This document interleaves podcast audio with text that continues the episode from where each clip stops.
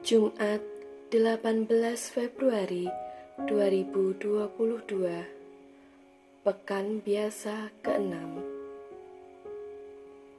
Bacaan pertama diambil dari surat Rasul Yakobus bab 2 ayat 14 sampai dengan 24 dilanjut ayat 26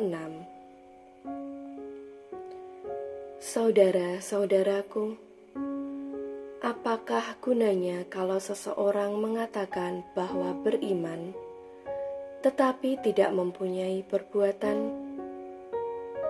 Dapatkah iman itu menyelamatkan dia?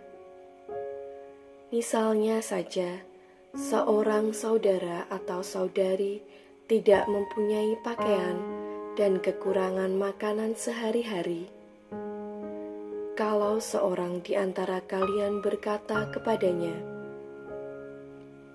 "Selamat jalan, kenakanlah kain panas dan makanlah sampai kenyang." Tetapi tidak memberikan apa yang diperlukan tubuhnya. Apakah gunanya itu? Demikian pula halnya dengan iman.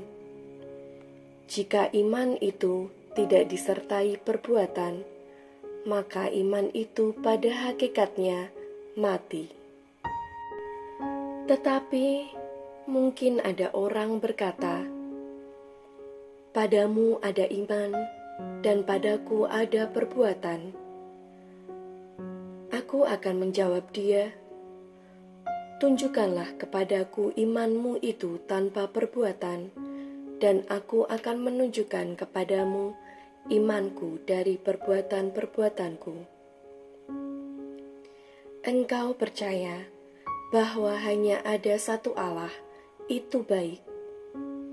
Tetapi setan-setan pun percaya akan hal itu, dan karenanya mereka gemetar. Hai manusia yang bebal, maukah engkau mengakui sekarang bahwa iman tanpa perbuatan adalah iman yang kosong. Bukankah Abraham bapa kita dibenarkan karena perbuatan-perbuatannya? Ketika ia mempersembahkan Ishak anaknya di atas mesbah, kamu lihat bahwa iman bekerja sama dengan perbuatan-perbuatan dan oleh karena perbuatan-perbuatan itu, iman menjadi sempurna. Dengan jalan demikian, genaplah ayat yang mengatakan, Lalu percayalah Abraham kepada Allah, maka Allah memperhitungkan hal itu kepadanya sebagai kebenaran. Karena itulah Abraham disebut sahabat Allah. Jadi, kalian lihat bahwa manusia dibenarkan karena perbuatan-perbuatannya dan bukan hanya karena iman. Sebab, sebagaimana tubuh tanpa roh itu mati, demikian jugalah iman tanpa perbuatan-perbuatan adalah mati. Demikianlah sabda Tuhan. Bacaan Injil diambil dari Injil Markus bab 8 ayat 34 sampai dengan bab 9 ayat 1. Pada suatu ketika, Yesus memanggil orang banyak dan murid-muridnya dan berkata kepada mereka, "Setiap orang yang mau mengikuti Aku, harus menyangkal diri, memikul salibnya, dan mengikut aku. Karena barang siapa mau menyelamatkan nyawanya, ia akan kehilangan nyawanya. Tetapi barang siapa kehilangan nyawanya karena aku dan karena Injil, ia akan menyelamatkan nyawanya.